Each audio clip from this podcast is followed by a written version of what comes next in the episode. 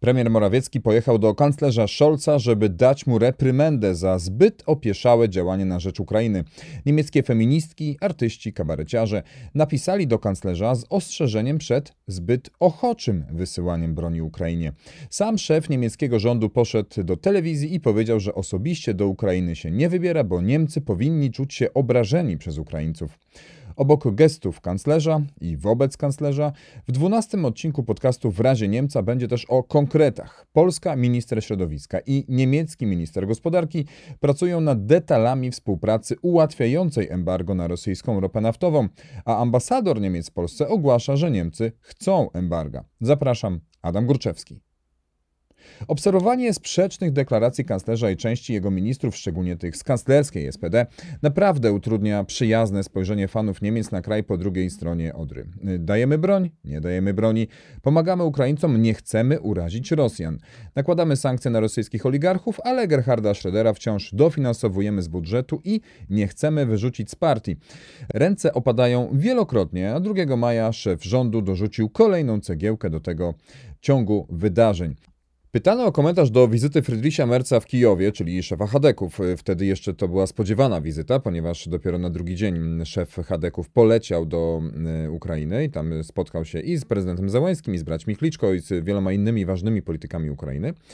Pytano o tę wizytę, powiedział, że tak, że jest w kontakcie ze swoim oponentem politycznym, że o tym rozmawiali, że oczywiście nie ma nic do tego, na tym polega demokracja, Odpowiedź była bardzo stonowana i trudno było w sumie e, ją zauważyć, gdyby nie to, co stało się chwilę później. Dlatego, że no jakby w kontynuacji do tego pytania właśnie o wizytę Merca e, padło pytanie, kiedy pan, panie kanclerzu, zamierza wybrać się do Ukrainy, żeby spotkać się z prezydentem e, Ukrainy, żeby, no kiedy pan pojawi się po prostu w Kijowie.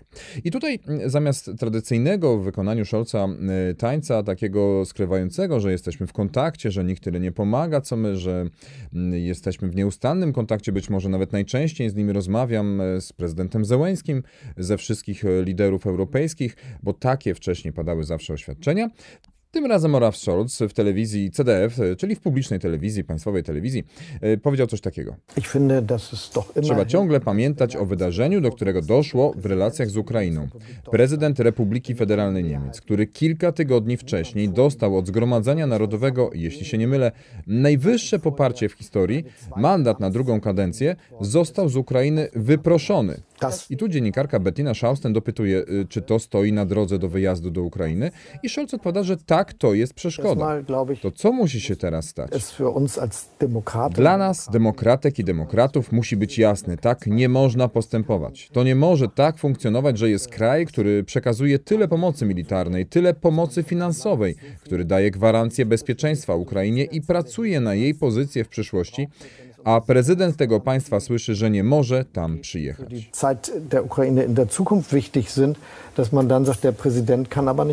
Ta część przeznaczona na spotkanie właśnie z kanclerzem e, się skończyła i no, dziennikarka trochę tak e, skonfudowana nie pociągnęła tego tematu. No aż rzeczywiście nie tylko ja już z tego co widzę żałuję, że tak się właśnie stało, dlatego że ten komentarz, ta wypowiedź była bardzo szeroko komentowana. Scholzowi zarzuca się, że po raz kolejny stracił jakby wyczucie sytuacji, że zachowuje się w taki sposób, jakby pokazywał, że my Niemcy wiemy lepiej, jeżeli nas uraziliście, to należy no teraz jakoś zareagować. No właśnie nie wiadomo, czy przeprosić, czy cokolwiek innego zrobić. Nie jest to jasne. Ten komentarz odbił się echem właśnie w innych komentarzach, komentarz Scholza i na pewno będzie jeszcze do niego powrót wielokrotny, bo on powiedział na początku tego wywiadu, że każde działanie musi być przemyślane, każda decyzja, każde słowo, ale to odnosiło się oczywiście do tego, co robią obecnie Niemcy konkretnego, dlaczego tak powściągliwie, dlaczego tak bardzo jakby chowane są te działania na rzecz Ukrainy. I tu właśnie kanclerz Scholz podkreślał, że trzeba działać bardzo ostrożnie, wszystko wyważyć, przemyśleć. Tej wypowiedzi nie tylko moim zdaniem raczej nie przemyślał i wypada się cieszyć właśnie, że kanclerz nie skomentował e, tej wizyty kilka dni wcześniej. Wtedy, mm, zanim jeszcze przyjechał do niego mm, Mateusz Morawiecki, bo premier Polski pojechał właśnie do Berlina po to, żeby wstrząsnąć Scholzem, po to, żeby przekazać mu, że trzeba działać bardziej zdecydowanie. Przynajmniej takie były zapowiedzi przed wyjazdem z kraju, bo na miejscu okazało się, że e, nie ma tutaj e, tych wypowiedzi e, jakichś ostrych. Było, że spotkaliśmy się, rozmawialiśmy. Zresztą oddajmy głos premierowi. Czy Ukraina wygra, czy przetrwa? Zależy od odważnych decyzji. Zależy od odważnych decyzji przede wszystkim na dwóch polach. Po pierwsze na polu dostawy broni, bo żeby się bronić, to trzeba mieć się czym bronić. Amunicja, artyleria, przede wszystkim przeciwpancerne, przeciwlotnicze, przeciwrakietowe środki. I to jest to, co Polska nie tylko dostarcza, nie tylko ze swoich własnych zasobów staramy się przedstawić Ukrainie naszą pomoc i przekazać naszą pomoc. Ale tu również Polska jest aktywnym organizatorem tej pomocy na forum międzynarodowym. I także dzisiaj tutaj w Berlinie rozmawiałem z kanclerzem Olafem Scholzem o tym, w jaki sposób Polska i Niemcy mogłyby razem jak najbardziej pomóc Ukrainie. My rzeczywiście przekazaliśmy bardzo dużą pomoc w postaci nawet naszych czołgów. Ale potrzebujemy, i o tym rozmawiałem z panem kanclerzem, czołgów, które by weszły na stan posiadania naszej armii w to miejsce, w które, z którego my przekazaliśmy czołgi dla Ukrainy. To są tego typu konkretne rozmowy. To są rozmowy także o konkretnych środkach na pomoc dla Ukrainy po to, żeby to państwo mogło funkcjonować w tych dramatycznie trudnych okolicznościach. Polska dostarcza także dużo pomocy humanitarnej. Jesteśmy także organizatorem. Animujemy tą pomoc humanitarną z całego świata. My, państwo polskie, jako wszyscy, którzy staramy się rozmawiać różnymi kanałami dyplomatycznymi tutaj w Niemczech, ale także z innymi państwami zachodniej Europy, aby pozyskać jak najwięcej środków na pomoc dla Ukrainy. Nie ma tu jakiegoś e, właśnie besztania, o które było wcześniej zapowiadane, zwracania uwagi. Były to rozmowy po prostu przeprowadzone jak polityk z politykiem, jak liderzy dwóch e, państw. Swoją drogą zastanawiam się, czy jest dwóch innych takich liderów, którzy tak bardzo różnią się w swoich działaniach. Jeden, który bardzo dużo opowiada e, i potrafi bardzo dobrze komunikować, a drugi z kolei niekoniecznie. Dobra, spotkanie było, porozmawiali, spotkali się, przekazali sobie informacje nawzajem. Nie było wspólnego wystąpienia po tym spotkaniu, natomiast był wywiad.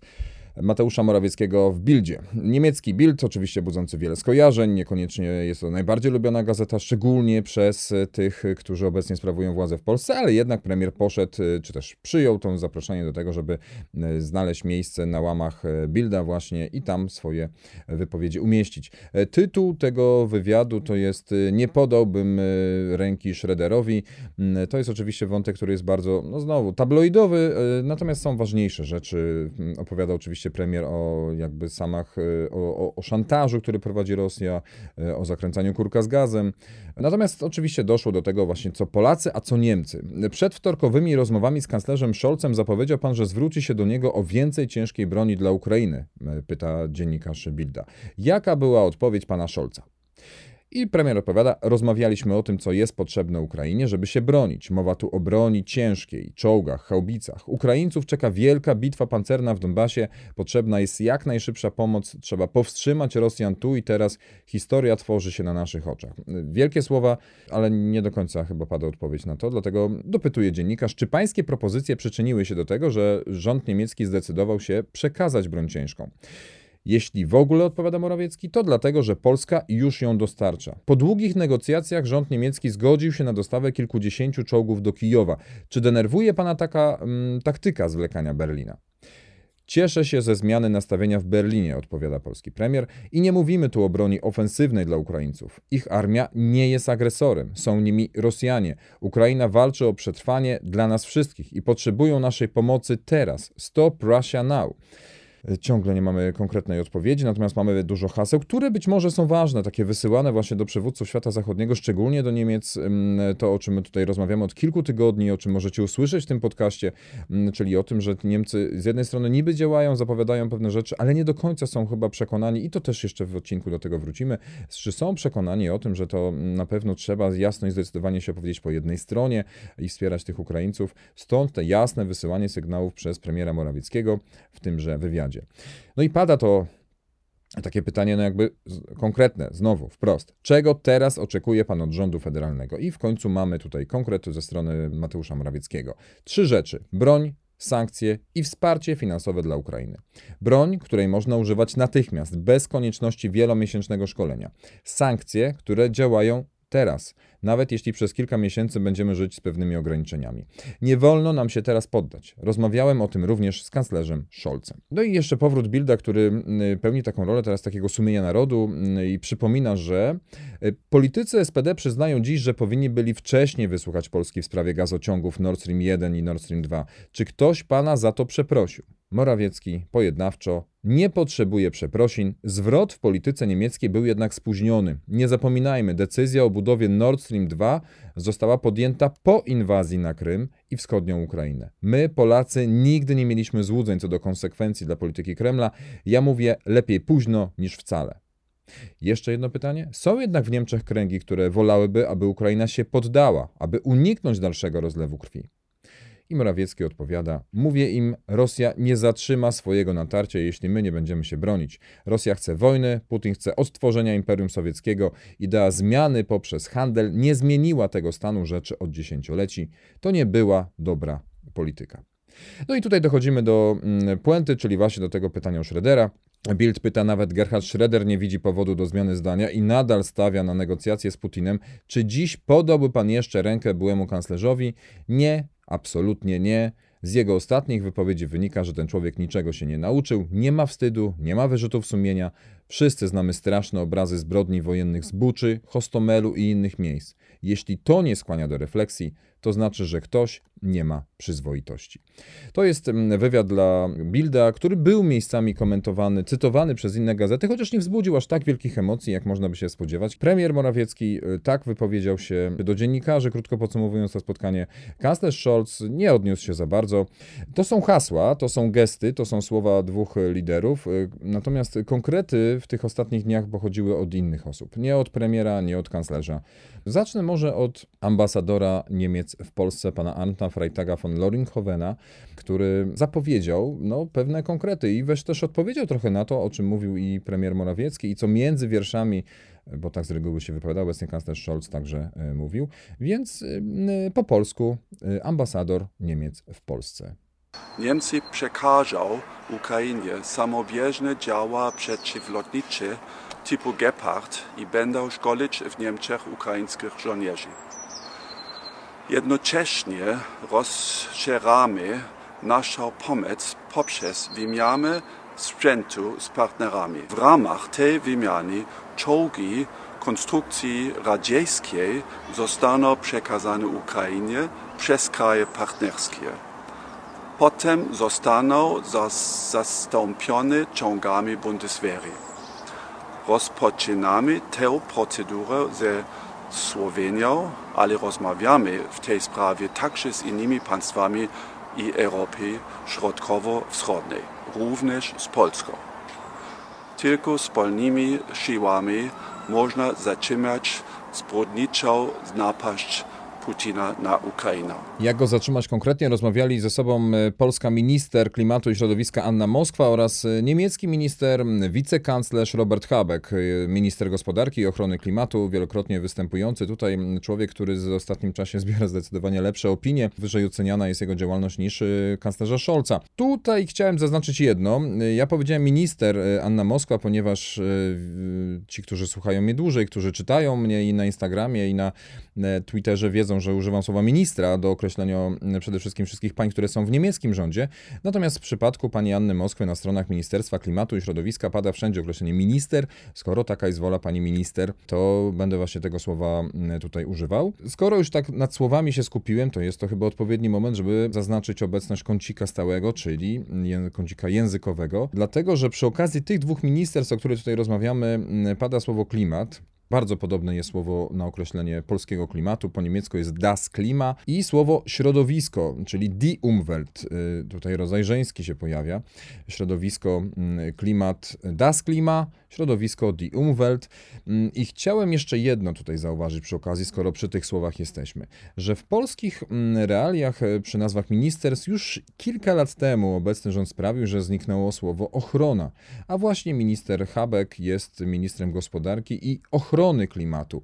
Więc teraz wracamy. Mamy dwójkę rozmówców. Minister klimatu i środowiska Anna Moskwa, minister gospodarki i ochrony klimatu Robert Habeck. O czym oni rozmawiają? Posłuchajmy wypowiedzi ministra wicekanclerza w niemieckim rządzie.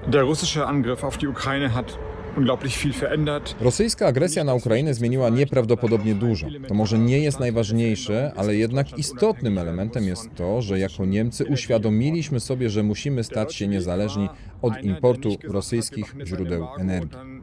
Naszym niemieckim sposobem na tę sytuację było unikanie sytuacji, w której ogłaszamy embargo, a potem myślimy, jak wprowadzić je w życie. I zastanawiamy się, jakie to ma konsekwencje dla gospodarki narodowej. Wolimy zachować odwrotną kolejność. Najpierw przygotowujemy konkretne kroki, a potem ogłaszamy na przykład, zobaczcie, już jesteśmy wolni od rosyjskiego węgla. W ciągu kilku tygodni okazało się, że to działa. Elektrownie, huty stają się niezależne od rosyjskiego węgla i latem będziemy od tego całkowicie wolni.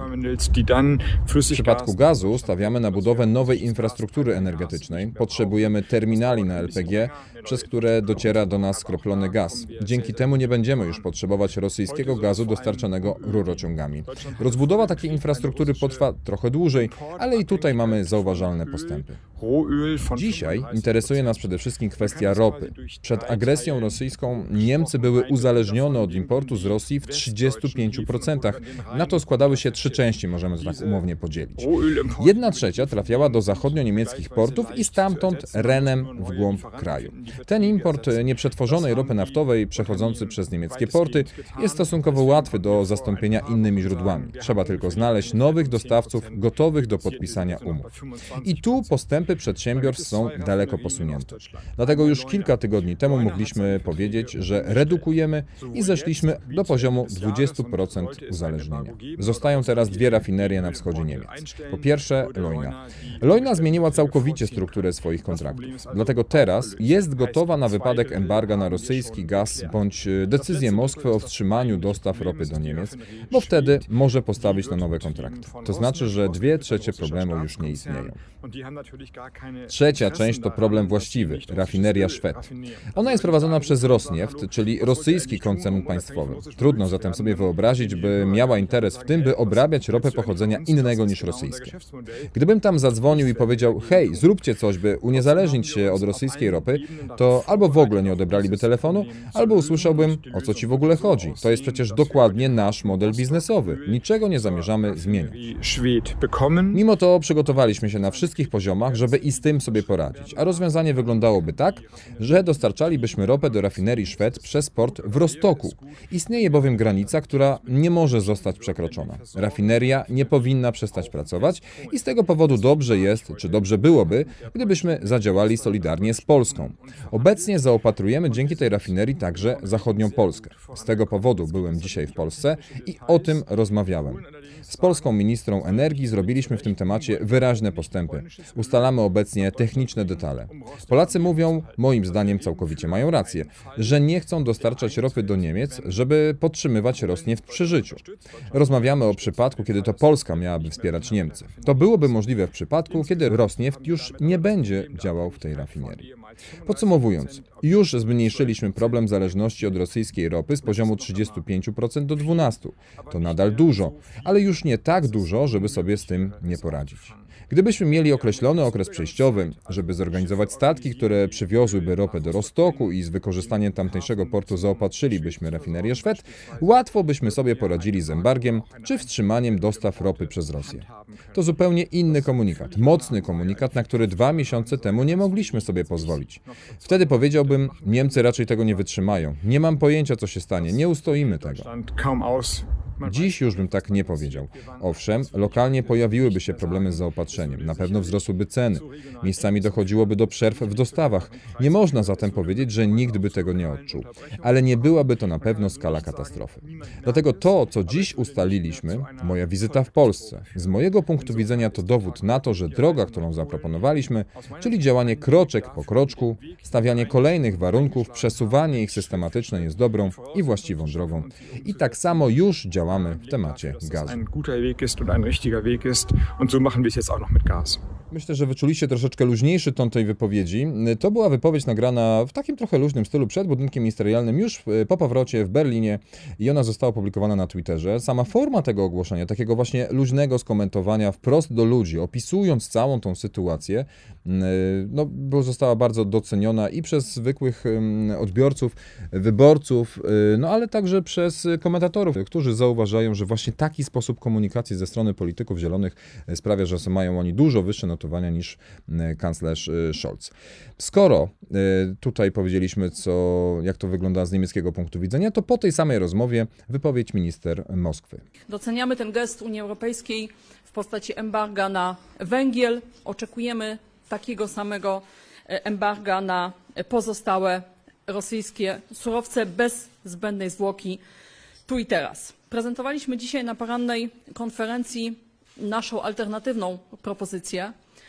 E, propozycję systemu rodzaju takiego ETS-u za używanie rosyjskich surowców do czasu pełnego odejścia państw jako element wspólnej koordynacji, ale też motywacji państw do szybkiego odejścia E, pracujemy nad szczegółami tego rozwiązania. Jesteśmy gotowi na kolejnej Radzie taki pakiet, takie rozwiązanie e, przedstawić. To, co jest istotne, żebyśmy w tych trudnych czasach mówili jednym głosem i o tym była nasza dzisiejsza rozmowa, szczególnie w tych wyzwaniach energetycznych, przed którymi stoimy. Przez najbliższe dni będziemy wspólnie z panem kanclerzem analizować te wspólne mechanizmy, wspólne działania, gdzie możemy nawzajem bezpiecznie przeprowadzić się w kierunku pełnej derusyfikacji polityki energetycznej. Ten dialog się rozpoczął. Będziemy w stałym kontakcie, by móc wypracować wspólne rozwiązania. Skoro mówimy o derusyfikacji, o embargu, to przytoczę jeszcze raz słowa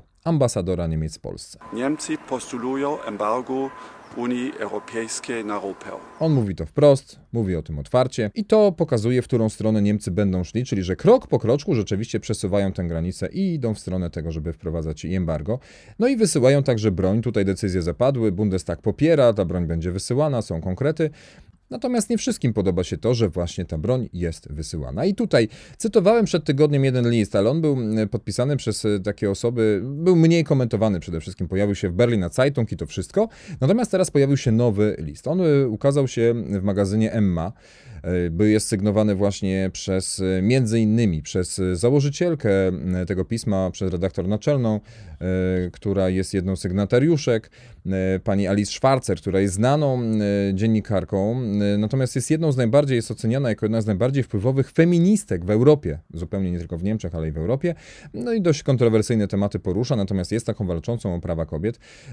No i też trochę pokazuje to, kto pod tym listem się podpisał. Po pierwsze, podpisało się więcej osób niż przed tym listem przed tygodniem. To było prawie 30 osób, które były tymi pierwszymi sygnatariuszami.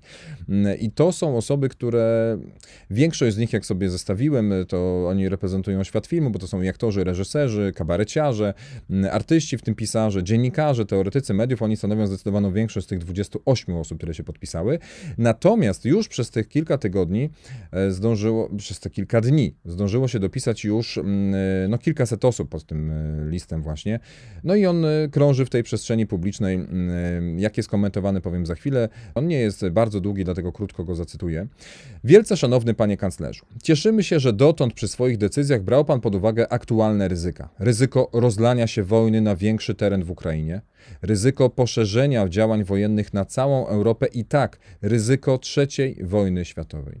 Ufamy, że nadal utrzymuje Pan swoje podejście i nie będzie Pan więcej dostarczał bezpośrednio ani pośrednio ciężkiej broni dla Ukrainy.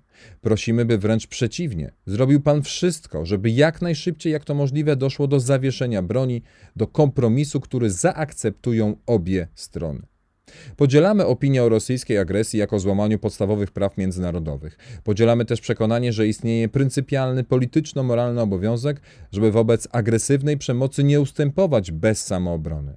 Ale wszystko, co z tego wynika, ma swoje granice w innych imperatywach etyki politycznej. Jesteśmy przekonani, że osiągnięto już y, dwa takie punkty graniczne. Po pierwsze, kategoryczny zakaz akceptowania oczywistego ryzyka eskalacji tej wojny w konflikt atomowy. Dostawa dużych ilości ciężkiego uzbrojenia może jednak sprawić, że Niemcy staną się stroną wojny. Rosyjski kontratak wiązałby się z koniecznością pomocy w ramach traktatu NATO, co wprost zrodziłoby bezpośrednie niebezpieczeństwo wojny światowej. Druga linia graniczna to poziom zniszczeń i ludzkiego cierpienia wśród ukraińskich cywilów. Nawet uzasadniony opór wobec agresora jest w pewnym momencie niedopuszczalną dysproporcją. W tym miejscu muszę przerwać, bo no, Aż trudno mi jest zrozumieć, czego tak naprawdę żądają y, ludzie, którzy się pod tym podpisują. Z jednej strony jest mowa o tym, żeby doprowadzić do zawieszenia broni, a nie wysyłać ciężkie broni właśnie Ukrainie. Jakby y, to ja się być może powtarzam i chyba tutaj podobna idea przyświeca tym, którzy podpisali ten list, jak tym, którzy podpisali ten wcześniejszy, że jakby nie wysyłanie broni i stawianie, że dobra, to nie angażujmy się w ten konflikt, zostawiając Ukraińców samych, jakby y, następowało zwiększanie szans na to, że zostanie podpisany pokój. Że jak Rosja zobaczy, jak Putin zobaczy, że nikt nie pomaga Ukrainie, oni nie dostają broni, są sami na polu walki, to wtedy powie, dobra, to z wami nie walczymy, bo jesteście skłonni do ustępstw. Wydaje mi się to tak dziwne, y, że no nie wiem, jak to może przejść w ogóle przez, y, spod pióra wyjść, potem przez usta przechodzić tych, którzy tutaj się za tym wypowiadają. I w tym momencie muszę to chyba powiedzieć, że właśnie ten upadek takich etycznych norm, jakichś wszelkich hamulców, rozsądku połączonego z etyką, tak właśnie komentowane jest to przez ludzi, którzy y, są, dysponują wiedzą na temat tego konfliktu, tych, którzy są komentatorami, ekspertami do spraw bezpieczeństwa, nie widzą racjonalnego połączenia między tekstem tego listu, a y, sytuacją rzeczywistą i taktyką, którą trzeba przybierać, czy strategią, którą trzeba przybierać do tego, żeby osiągnąć efekt w postaci zawieszenia broni, końca tej y, wojny. Dlatego nie będę już może czytał dalszych. E, dalszej treści całej, tylko końcówkę samą. Szanowny kanclerzu, jesteśmy przekonani, że szef rządu Niemiec może wnieść decydujący wkład w rozwiązanie, które sprosta osądowi historii. Nie tylko ze względu na naszą obecną ekonomiczną potęgę, ale także ze względu na naszą historyczną odpowiedzialność w nadziei na wspólną, pokojową przyszłość. Po prostu Ufamy i liczymy na Ciebie. O, tu jeszcze jest taki dopisek, zanim padają te nazwiska właśnie tych osób, o których wspomniałem, które no, są rozpoznawalne zdecydowanie bardziej niż ci pierwsi sygnatariusze. To są osoby, które istnieją w przestrzeni publicznej, ale one zajmują się właśnie przede wszystkim sztuką.